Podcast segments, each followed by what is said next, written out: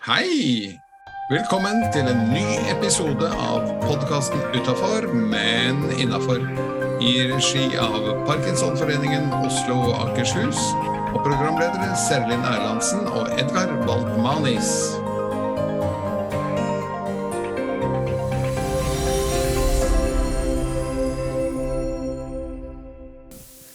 Hei, jeg heter Serlin, og ved min side så har jeg Edgar, Hei, Edgar. hei.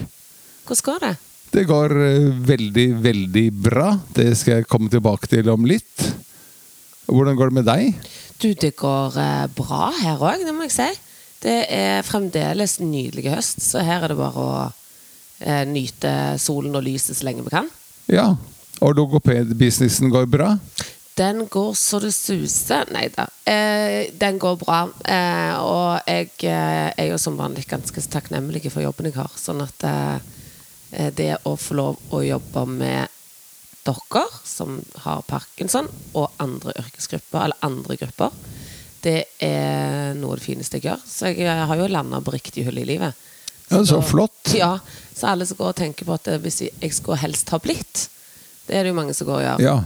Hvis du skulle blitt noe annet enn det du var, må, måtte valgt noe annet, hva skulle det ha vært?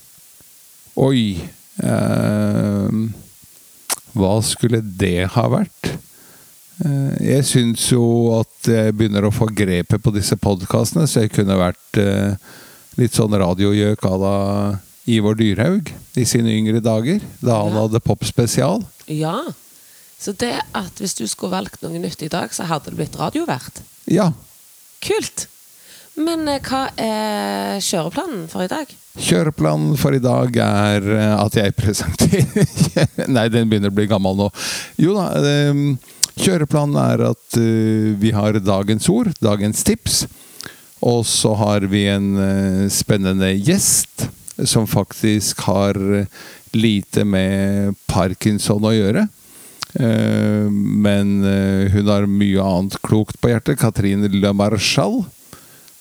Spennende. Og eh, etter henne så har vi som vanlig fremsnakk og kransekakevits.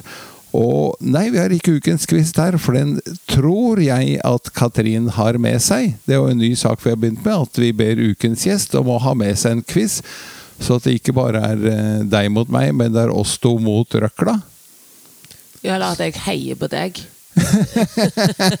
Det blir du også av og til. Hva er dagens tips da, Edgar? Dagens tips, og årsaken til at jeg eh, er litt høyt oppe om dagen, er at vi er i ferd med å passere 10 000 nedlastinger. Vi er bare et par 150 unna. Juhu! Juhu! Det er faktisk tilbake i mars, etter eh, 13 måneders eh, publisering. Så passerte vi de første 5000 nedlastingene, og nå syv måneder senere så har vi eh, fått eh, 5000 nye. Nesten, da. Hvis, eh, og det er her eh, poenget kommer inn, at eh, jeg sitter og blar Blar? Gjør man det? Eh, jeg scroller, eller hva? Tilbake i gamle podkaster. Og finner en hel masse med gullkorn, både om eh, bra start på dagen og hvordan du lever best med parkinson. Og, og de forskjellige gjestene har også utrolig mange gode råd å komme med. Så det er dagens tips. Gå inn og bla deg tilbake og finn eh, gullkorn. Og hvis du lurte på om du kunne unne deg et kakestykke i dag, så kan du det, for da feirer du sammen med oss at vi har passert 10 Nemlig. 000 nedlastninger snart. Nemlig. Dagens gjest. Dagens gjest sitter eh, klar, tenker jeg, så vi ringer opp Katrin Le Marchal.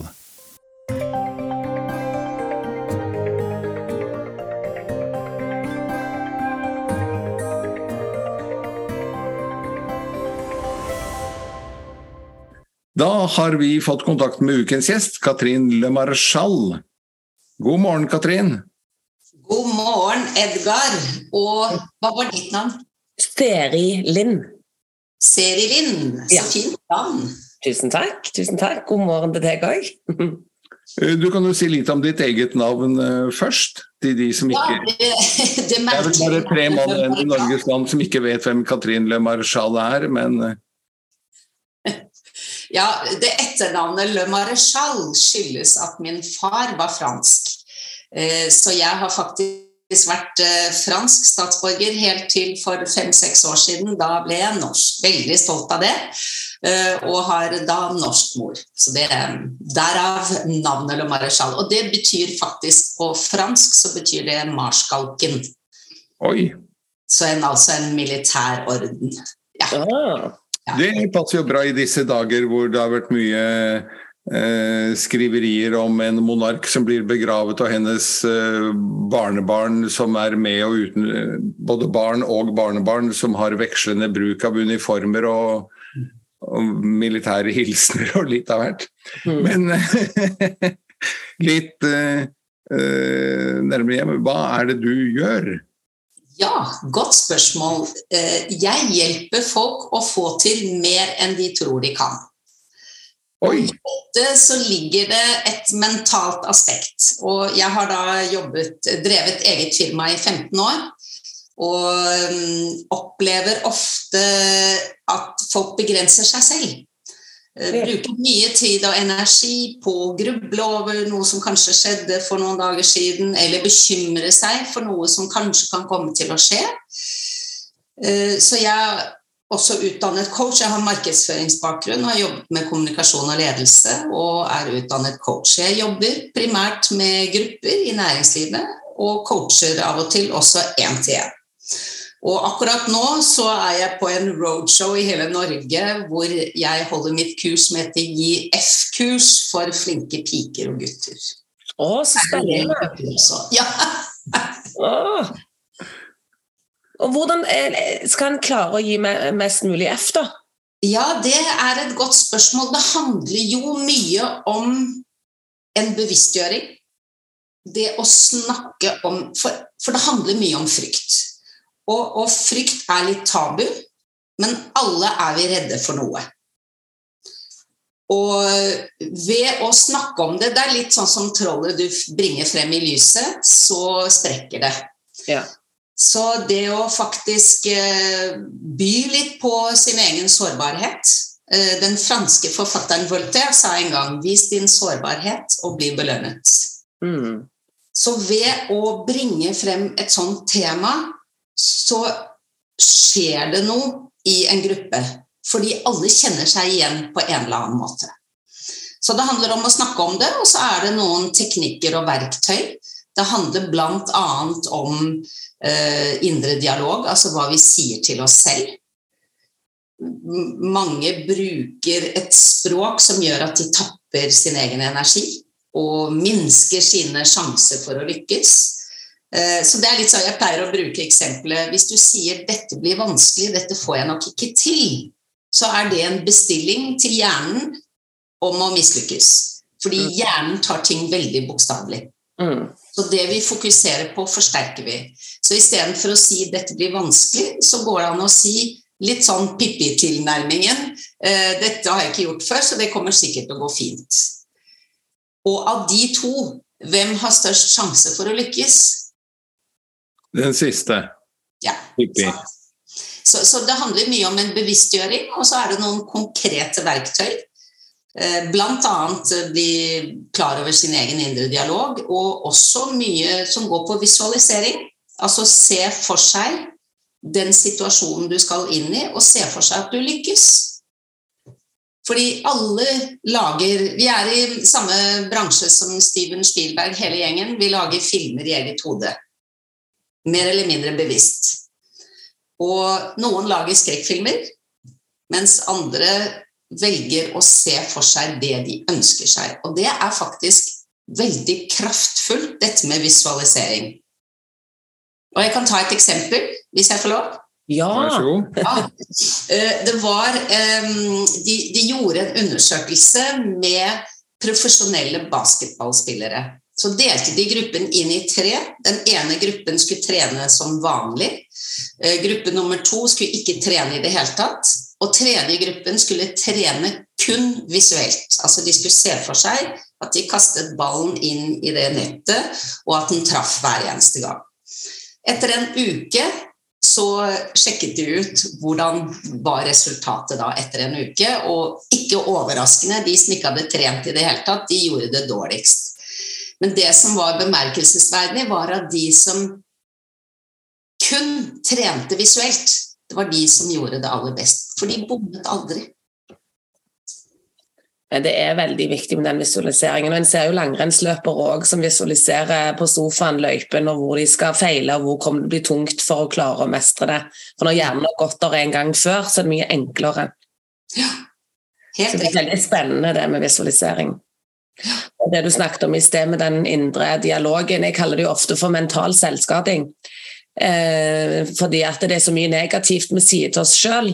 Jeg skulle aldri ha gjort og jeg er dum. Altså, en sier så mye negativt, og det blir jo det samme.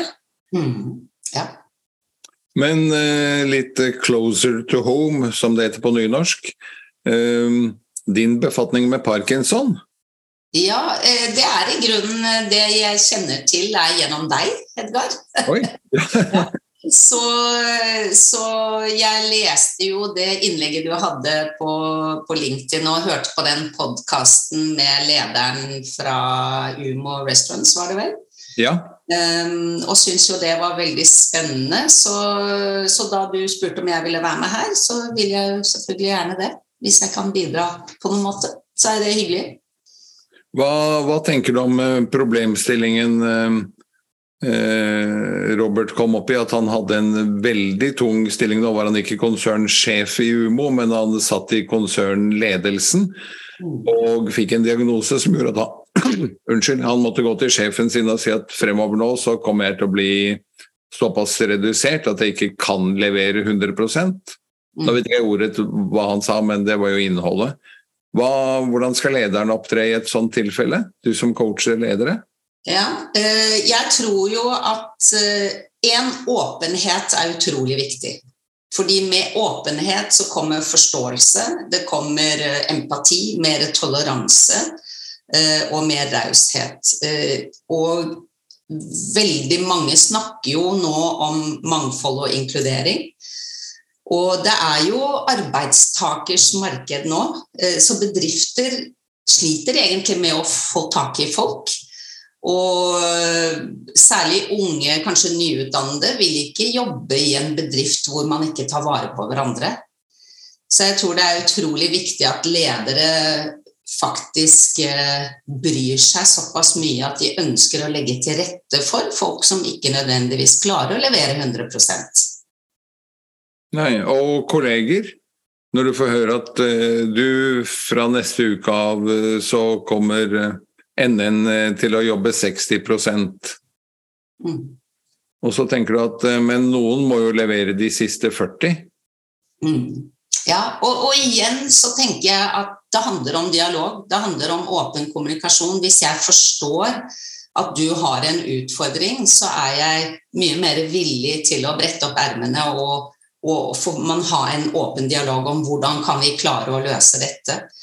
Uh, og jeg fikk en assosiasjon da du spurte Jeg husker uh, en av mine døtre hadde flere i klassen som, i barne, barneskolen da, som hadde spesielle utfordringer, og bl.a. en gutt som hadde et ganske voldsomt reaksjonsmønster, og barna ble litt usikre. Men da foreldrene fortalte hvorfor han reagerte sånn, så ble det en helt annen forståelse. Og, og da merket jeg at barna i klassen tok vare på vedkommende fordi de hadde fått en forståelse for hans utfordringer. Og sånn tror jeg det er i arbeidslivet også. Du jobber jo mye med presentasjonsteknikk også. Jeg har selv vært på, på kurs, men har lært utrolig mye i løpet av én konsentrert eh, dag. Eh, nå er det jo sånn med parkinsonister at eh, en del av oss mister stemmen. Det er derfor jeg har med Eh, min trofaste makker logoped Serilin Erlandsen her. Ja. Eh, hva tenker du om en foredragsholder som mister stemmen og blir sterkt redusert? Mm. Og dette er kanskje det hen lever av, rett og slett? Mm. Ja, jeg tror jo at uh, det der også, ved å være åpen i utgangspunktet, at det faktisk kan skje. gjør jo at folk eh, er forberedt på det og takler det annerledes hvis det skulle skje. For vanligvis så er jeg ikke tilhenger av at man skal Eh, på en måte starte med å si eh, Det er mange som begynner med 'jeg er ikke god til å holde tale' eller 'jeg er ikke god til å presentere', altså trekker seg selv ned. Men i dette tilfellet så er det litt annerledes. Eh, for det handler om forventningsjustering, og det handler om å gjøre folk forberedt på at det kan skje. Og da tror jeg at folk senker skuldrene litt, og skulle det skje, så er ikke det noe katastrofe. Da er vi forberedt på det. Nå er det jo mange som ikke har mista stemmen, og mange som er i yrkeslivet ennå, så jeg ble litt nysgjerrig på hva, hva presentasjonsteknikker er det Har du noen sånn få eh, stalltips? Ja, det har jeg. Eh, og jeg hadde gleden av å høre mm, Vinca Lafleur. Hun var taleskriveren til Bill Clinton. Hun var i Norge for noen år siden og holdt et fantastisk eh, foredrag. Og hun hadde noen veldig enkle tips. Eh, jeg skal trekke frem tre som jeg ofte deler med mine kursdeltakere. Og, det er ikke noe sånn rocket science, dette her. Det er egentlig vanlig sunn fornuft. Men mange bommer allerede på første punktet, som er å tilpasse budskapet til målgruppen. Mm. Hva er folk opptatt av? Hva er, det, hva er, det, som bekymrer dem, hva er det som holder dem våkne om natten? Og hun pleide å si um, Hun tenkte alltid på, på, dette når hun skrev talene til Bill Clinton. Hva er det folk er opptatt av? Det, why does it matter to people's lives? Det jeg skal si. Så tilpass budskapet til målgruppen. Og så er nummer to er å gjøre det enkelt og konkret. Ofte snakker man om ting som er litt abstrakt, og i det øyeblikket du bringer inn et eksempel, så begynner folk å nikke. Så bruk et språk som folk forstår, og bruk eksempler for å illustrere poengene dine. Og så er det siste tipset er uh, fortell historier. Fordi historier fenger på en helt annen måte enn f.eks. tørre tall og fakta. Og hun avsluttet uh, foredraget sitt med å si 'facts tell, stories sell'. Ja, jeg har en tendens Jeg tenker alltid at det, når en er på foredrag, så har en denne med det er så mange som er så glad i de fine latinske ordene. Eller at en skal imponere med de vekttallene en har. Sånn at eh, jeg tenker mange ganger når jeg ikke husker de latinske ordene og bruker historien, at hm, burde jeg ha lagt inn noen fancy ord her, så det høres ut som jeg har vekttall? ja, du vet de derre trebokstavsforkortelsene som alle bare Å, dette burde jeg skjønne hva det betyr, men de har ikke peiling. Uh, så det, det, er noe med the power of simplicity. Ja. ja. Det, var, det, det var, musikk i mine ører, i hvert fall. uh, du skal også få 60 sekunder til å presentere et konsept uh, du er aktiv i, som heter Tilt Work. Oi. Hva er Tilt Work? Ja, det, det, er spennende. Det er rett og slett et nettverk som jeg er eh, en del av. Og det oppsto i mars 2020, da Norge stengte ned. Så savnet vi å ta den lille praten ved kaffemaskinen. Så Pål Leverås eh, startet det hele, så vi hadde digitale kaffemøter eh, hver morgen for de som ville mellom åtte og halv ni. Det var vel egentlig mellom åtte og ni i starten, og så har vi kortet det litt ned nå. Eh, og der er det helt åpent. Alle kan komme, ta med seg kaffe eller tekoppen. Eh, det er ikke noe agenda, det er ikke noe tema oppstår der og da. Eh, og det handler om å dele erfaring, dele kunnskap, og det vi ønsker, er å tilte hodene Eh, i næringslivet mot en mer bærekraftig retning. Så det, er, det gjør vi i form av eh, fagartikler, kronikker, kurs, workshops. Vi ønsker å påvirke på en positiv måte. Og et av de tiltakene vi er med på, er Giving Tuesday. Som er å gi en dag som en motvekt til alt eh, kjøpepress og forbruk, Black Friday og Cyber Monday og disse tingene. Eh, så vi er opptatt av å gi, så da gir vi av vår tid. Eh, en, det er vel 29. november, tror jeg. Og det er jo blitt en folkebevegelse om å gi noe av verdi til andre. Og det syns jeg er en fin, fin tanke. Kjempespennende. Hvordan kommer jeg meg inn på Tilt Network? Ja, du altså, Da kan du gå inn på tilt.work, og så kan du melde deg inn der. Og faktisk i ettermiddag skal vi ha et møte. Eh, hver tirsdag ettermiddag så har vi ulike temaer, og i dag er temaet Giving Tuesday. og Da er det flere av oss som melder oss som givere, og så kan eh, organisasjoner, dere f.eks., kan søke om å få eh, hjelp til noe. Det kan være en times foredrag eller et workshop, en workshop eller en teamcoaching f.eks. Så flott. Så flott. Fantastisk. Vi nærmer oss slutten. Eh, vi har gjort en vri de siste gangene at vi ber ukens gjest ta med en quiz. Fordi quiz og hjernetrim er viktig for oss med parkinson. Og så har det Eh, vært sånn det siste året at det er Serilin som quizer meg. og så sa jeg, men eh, Kanskje vi kan eh, gjøre det enda morsommere ved at det er ukens gjest som quizer oss begge. Og der har du forberedt eh, noen spørsmål? Det stemmer. Da er det bare å kjøre på. Ja. ja. Da har jeg lyst til å spørre dere, hvem snakker vi mest med i løpet av en dag? Oss sjøl. Jeg skulle til å si at det er sikkert oss selv, ja. ut fra det du har sagt tidligere. Det er helt spot on riktig, og da er spørsmålet også hvordan er kvaliteten i den dialogen? Negativt. Altså jeg tenker Vi er likevel mer mot rødt enn grønt. Mer røde briller på enn grønne, for å si det sånn, i de samtalene. Så, så det å være litt bevisst på å snu den litt Pippi-retning Det var første spørsmålet. Eh, hvor mye av vår kommunikasjon er nonverbal. Og da tenker jeg i prosent. Det er noe sånn 70 et eller annet, husker jeg, fra flere presentasjonskurs. Uh, vi tar rundt vi på 75. Ja, jeg kan, jeg kan, være med deg på det, for vi kommuniserer nok Ja, 70 tar jeg, da. Mm. Og det er enda mer, faktisk. Eh, en professor som het Albert Merabayan har forsket på dette. Og det viser seg at kun 7% av vår totale kommunikasjon er rene ord. 55% er kroppsspråk, og 38% er stemmebruk. Oi. Det er ganske spennende. Ja. Det syns jeg er kjempespennende. Og, det er faktisk sånn at to mennesker kan si nøyaktig samme budskap. Én faller igjennom, ofte pga. litt famlende kroppsspråk og litt sånn flakkende blikk, f.eks., mens én når igjennom. Fordi kroppsholdningen er en annen, stemmebruken er en annen, vedkommende legger trykk på viktige ord, tar pauser. Det er utrolig spennende. Det kan man snakke lenge om. ja. Kan du snakke i timevis. um,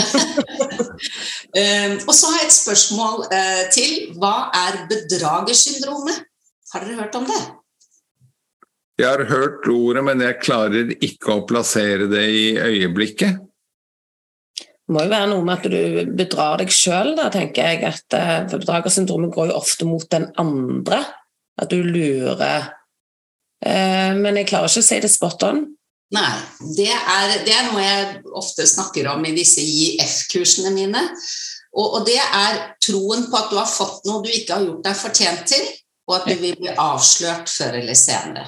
Mm. Troen på at du ikke er bra nok. Mm. Eh, og det holder oss fast eh, og hindrer oss i å kanskje ta spennende utfordringer som vi kunne tatt på strak arm. Og Det er interessant å merke seg at uh, Albert Einstein selv kjente på det. Han sa han, han syntes han fikk for mye oppmerksomhet for sitt arbeid, og han var jo en briljant fyr. Uh, så han sa 'I feel like an involuntary swindler'. Oi. Ja, det er noe med sånn som du sier at det hindrer oss i å ta utfordringer, men det er jo òg noe med at vi ikke klarer å telle seirer og bygge på selvbildet og selvfølelsen vår. At det gjør at vi liksom ikke får den til å bli øke, og som er kjempeviktig. Mm. Og, og, man føler kanskje at det er aldri bra nok. Eh, og bedragersyndromet rammer ofte høyt presterende mennesker. Ja. Er ikke det gøy? At vi klarer å få det, at vi gjør sånn? Helt utrolig. Det er kjempespennende. Hvorfor er instinktet så negativt mot oss sjøl? Mm. Det er helt fascinerende. Så, så, det er noe vi snakker mye om eh, når, når, jeg holder disse kursene. Og folk kjenner seg jo igjen i det. Så er jo hele clouet, når du er blitt bevisst på det, og så snu det. Eh, og, og, Hvis jeg kan ta et eksempel til slutt, kan jeg det? Ja. ja jeg hadde en, eh, en, toppleder som eh, slet med mm, eh, hva det heter, sceneskrekk.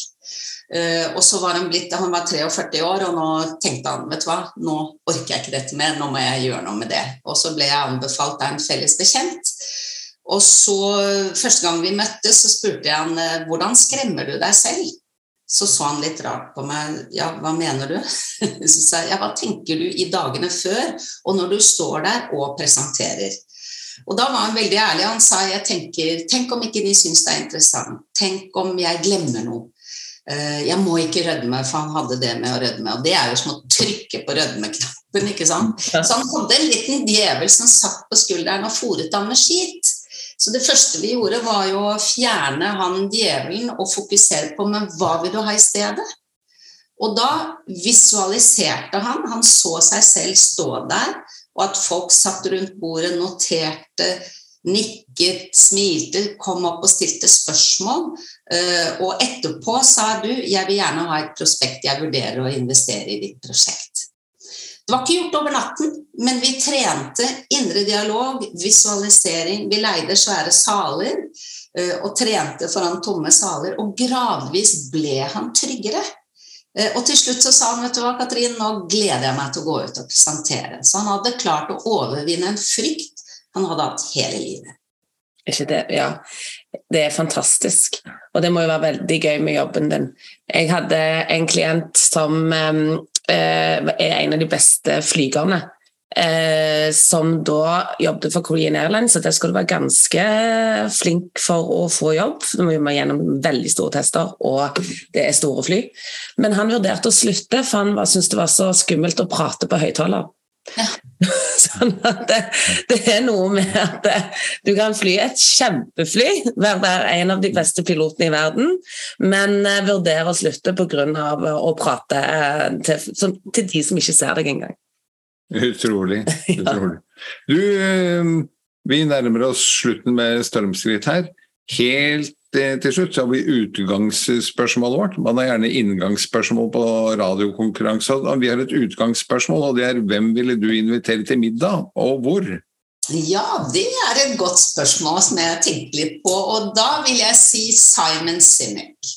Han er en fantastisk formidler. Han har en TED-talk som er vel hørt 59 millioner ganger.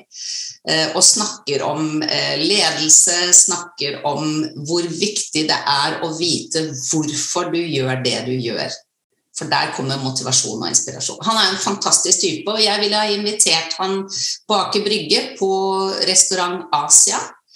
Eh, for der har de fantastisk mat, det er god stemning, og jeg tror vi kunne få en skikkelig god samtale der. Da bukker vi nabobordet og sitter og lytter. Veldig bra. Tusen takk for at du ble med. Bare hyggelig. Kjempehyggelig å være med. Ha en fin dag. I like måte.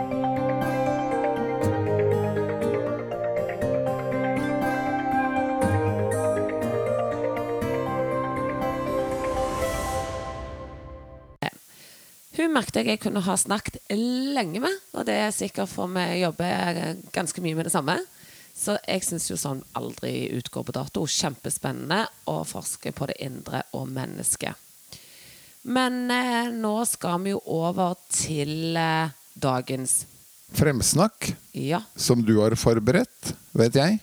Ja, eh, fordi jeg er jo en badeentusiast. Bade hele året. Og jeg går en del nede på Oslo badstubåtforening. Den ligger på Sukkerbiten, og det ligger en langs Langkaien. Og det ligger på Aker Brygge, og det ligger på Kongen Marina, og jeg vet det ligger i Akerselva, og det ligger oppe på Bogstadvann og Sognsvann. Det ligger sånne badstuer overalt. Ja. Jeg er en ivrig tilhenger av Sukkerbiten, for jeg syns det er enkelt å komme ned. Og det er utrolig koselig der nede, rett bak operahuset. Ja. Og Der går jeg og bader for 150 kroner. Og inn og ut av badstue. Utfordrer meg sjøl og ligger i vannet lenger enn jeg burde eller må. Eh, men det er opp til hver enkelt hva han gjør. Men jeg tenker det må jo være så sunt for alle, og for de og deg òg med parkinson. For det utløser ganske mye rush, og jeg tror jo òg at det herder deg i forhold til andre forkjølelser og sykdommer. Det tror jeg også på, faktisk. Sånn rent praktisk, hva gjør man med skifting? Der er sånne boder bak hver badstue. Du kan leie en hel badstue. Nå har jeg gjort det, Jeg skal vi der med ungene til altså venninnene til hun ene i klassen min. Jeg skal ha barnebursdag der nede. Oi, Og da leier du en hel badstue. riktig. Eh, og da kan du ha med mat og drikke, altså mat utenfor, men ikke inn, for det kan lage bakterier. Riktig. Du kan ha med egen drikke. Eh, men det er skifterom bak. Sånn at det om eh, Kaldt kan det jo være, for det at de er ikke så så isolerte. Men ikke foreløpig. Det Når det blir ti minus, så kan det føles litt kaldt. Men det er utrolig sunt. Og du, nå har jeg tatt med veldig mye venner. Og veldig mange som er egentlig imot og fnyser litt av det og synes det er noe sånn, var ikke det noe sånn koronaaktivitet. Og de fleste har sagt etterpå at de har sovet bedre, og de har vært veldig glad etterpå. De har vært veldig glad i flere dager. Oi. Så at det gjør noe med deg, det er jeg sikker på. Så Ja. prøv det ut. Eh, dra ned om du er alene. Gjør ingenting. Det er mange som drar ned alene. Det er en egen sånn frokostgjeng der ingen egentlig kjenner hverandre. Men de fleste går klokka åtte eller ni, alt etter som hvilken gjeng eller hvilken tidspunkt du ønsker. Men det er veldig mange som går fast om morgenen og ettermiddagen. Og de, de blir en gjeng som sitter og prater, og så kan du velge om du prater eller ei, eller går inn i en badstue der det er ingen. Ja. For det er midt på dagen vet jeg at det er flere tomme badstuer innimellom. Så du kan velge å være sosial, og kan velge å ikke være sosial. Ja. Og uansett så bør dette være sunt for kropp og sjel. Jeg tror det, og så tror jeg det at når en utfordrer seg, så er det viktig. Ja. Det var ukens fremsnakk, og så hopper vi helt sømløst til eh, fem kjappe. Som Yes. jeg skal spørre deg om. Ja. Bil eller tog? Bil. Kjøtt eller fisk? Kjøtt. Oi! Dette er ikke bra for miljøimaget ditt. Nei, men Du spurte hva jeg vil mest. Jeg bør jo si tog for å være politisk korrekt. og Jeg burde sagt fisk. Men jeg er, altså det er rett og slett Jeg har funnet ut at jeg må si For jeg syns det er så flaut å ikke være så veldig glad i fisk. Jeg liker noe. Så jeg har funnet ut at jeg har bare begynt å si at jeg er allergisk. jeg syns det er mye bedre. Ja. Gå eller sykle? Å, den syns jeg er vanskelig. For jeg går mest. Men jeg er egentlig mest glad i å sykle. Ja. Kino eller teater? Teater. Fordi Kino, da føler jeg at da kan jeg bare se det hjemme. Eh, jeg syns det er dyrt, og jeg syns ikke at jeg får noe større opplevelse. Noen filmer, ja. Eh, Top Gun for eksempel bør ses på kino. Eh, men det er teater. Jeg tenker at det er ikke Å se teater, filme teater på TV gir meg ingenting, men jeg syns det er helt fantastisk å gå på teater og forestillinger. Og den siste er opera eller ballett? Ballett. Fordi bevegelse. Jeg, jeg, det er for, altså, opera er flott. Jeg syns det varer for lenge. Um, det er litt stillstående. Kombinasjonen beste. Men ballett med bevegelse, det, alt, det, det fascinerer meg i timevis. Og de er så flinke og flotte og ja. Ja. Det var rett og slett fem kjappe. Så tenker jeg at vi går ut med stil på det tørreste av det tørreste. Med Ja. den tørreste vitsen av alle. Få høre. Kransekakevitsen. Få høre om den er bedre enn eh, den jeg hadde forrige uke. Jeg har glutenallergi, bare så du vet det. Herregud. Vet du det? Herregud. Ja, da tror jeg rett og slett vi må sette punktum for uh, ukens episode der. Uh, takk til deg som har eh, lyttet fra start til mål. Og eh, på hjertelig gjenhør i neste uke. Og som sagt, husk det. Bla tilbake. Finn Parkinson-tips. Finn triks og tips fra de vi har intervjua. Der er mye å lære. Så har du hoppet over en episode eller glemt en, lytt på den, for den er like dagsaktuell. Det var eh, alt for denne gang av podkasten Utafor, men innafor. Programledere som vanlig Serlin Erlandsen og Edgar Wold Malis. Vi ønsker på hjertelig gjenhør ved neste anledning.